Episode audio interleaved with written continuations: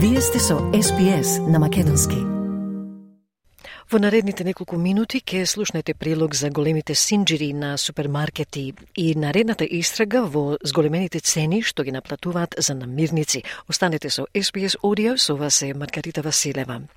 Поранешниот федерален лабористички министер Крейг Емерсон е назначен да предводи истрага во австралискиот сектор на супермаркети поради тврдењата дека големите самопослуги ги зголемуваат цените – Загриженоста расте поради се поголемиот јаз меѓу она што потрошувачите го плаќаат во самопослугите и цените што супермаркетите им ги плаќаат на земјоделците. Како што известува Сидни Ленг, истрагата ќе го разгледа кодексот на однесување за намирници во земјата, кој ги регулира односите помеѓу добавувачите и супермаркетите.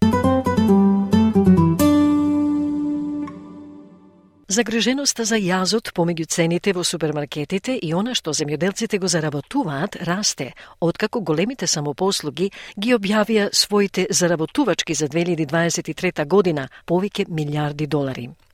Лидерот на партијата Nationals, David Littleproud, повика на независен преглед на ценовните аранжмани меѓу земјоделците и австралискиот сектор на супермаркети. Тој вели дека додека Сенатот планира да ги разгледа цените на супермаркетите од февруари наваму, Австралиската комисија за конкуренција и потрошувачи може да биде поефикасна во своето разгледување на разликите во цените. Кога цените на овчо и говецко месо се намалуваат за 70%, но се намалуваат само за 8% на касата, кога фармерите добиваат 2 долари 20 за килограм тиквички, но само послугите наплаќаат 6 долари 50, тоа се прави на сметка на земјоделците и на сметка на потрошувачот, вели Little Прад. Најпогодното тело за да ги направи потребните проверки е ACCC, изјави тој. When you see sheep and beef prices dropping by 70% but only dropping at 8% at the checkout. When you're seeing zucchini getting farmers getting $2.20 a kilogram, but they're charging $6.50, they're cleaning up and they're cleaning up at the expense of farmers and they're cleaning up at expense of the consumer. What we're saying is we just want fair prices from the paddock to your plate with transparency and fairness, and the people to do that should be the ACCC. Сега владата најави преглед на кодексот на однесување за храна и намирници, што ќе го води поранешниот федерален министер Крейг Емесон. Истрагата ќе го разгледа доброволниот код на кој Aldi, Coles, Woolworths и трговецот на големо Metcash во моментов се предплатуваат и кој вели дека трговците на мало и трговците на големо мора секогаш да действуваат со добрата волја кон добавувачите. Дейвид Литлпраут вели дека кодексот на однесување треба да биде задолжителен, а казните за прекршување на правилата треба да бидат построги. Господинот Little Proud вели дека ревизијата е законска, а не доброволна и секако требаше да се одржи. You got to appreciate this is a statutory review that was scheduled to take place anyway, and this is about the broad architecture of the code of conduct. Uh, we believe openly, the Nationals, that this should be a compulsory code, not a voluntary one.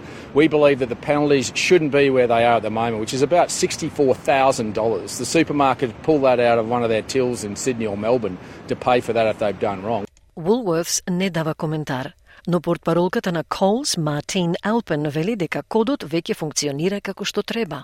Алпен вели тие се подготвени учесници во доброволниот кодекс на однесување. Всушност, тие помогнаа да се воспостави тоа уште во 2015 година.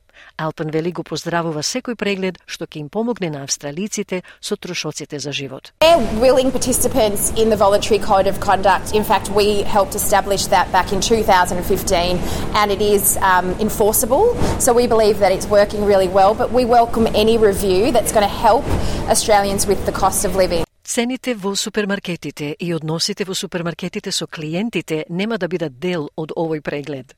Сепак, тие грижи се исто така движечка сила.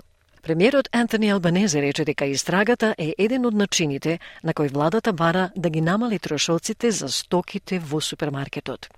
Крейг Емисон вели дека супермаркетите не ја споделуваат својата заработувачка со нивните добавувачи. Цените во самопослугите изгледаат прилично здрави, но не и заработувачката на земјоделците, изјави Емерсон. Supermarket profits look pretty healthy. Um, you wouldn't be able to say to farmers that their profits are all that healthy.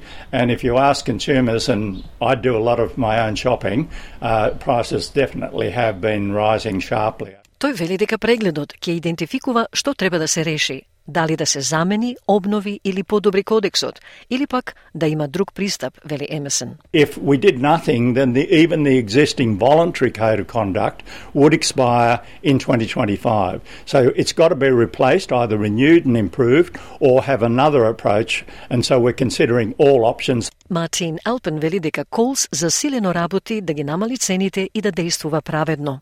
Таа емисија на која што се работи цели 10 години, вели Алпен. So we have been on a mission to reduce prices for more than 10 years now. Um, it's something we're really passionate about and we continue to work out where we can reduce prices for our customers.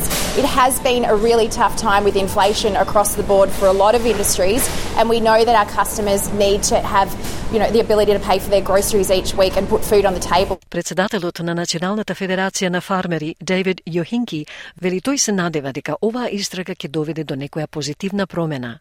Според него, имало истраги во секторот за намирници и предходно, од кои произлегоа многу силни препораки, кои, доколку биле усвоени, немаше да постои потреба за дискусија на оваа тема денеска, вели тој. What we don't want to see is just another inquiry that carries recommendations that aren't acted on.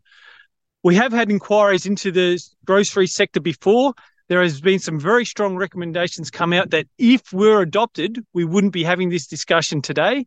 And what we want to do is see some meaningful change, not only around the grocery code, but actually along the supply chain and competition laws so that we can get better transparency for farmers, make sure that there is fairness in the contracts and therefore um, have greater understanding if there is somebody has broken their part of the oblig- obligation that there is a penalty at the back end of that so that people can be held to accountability.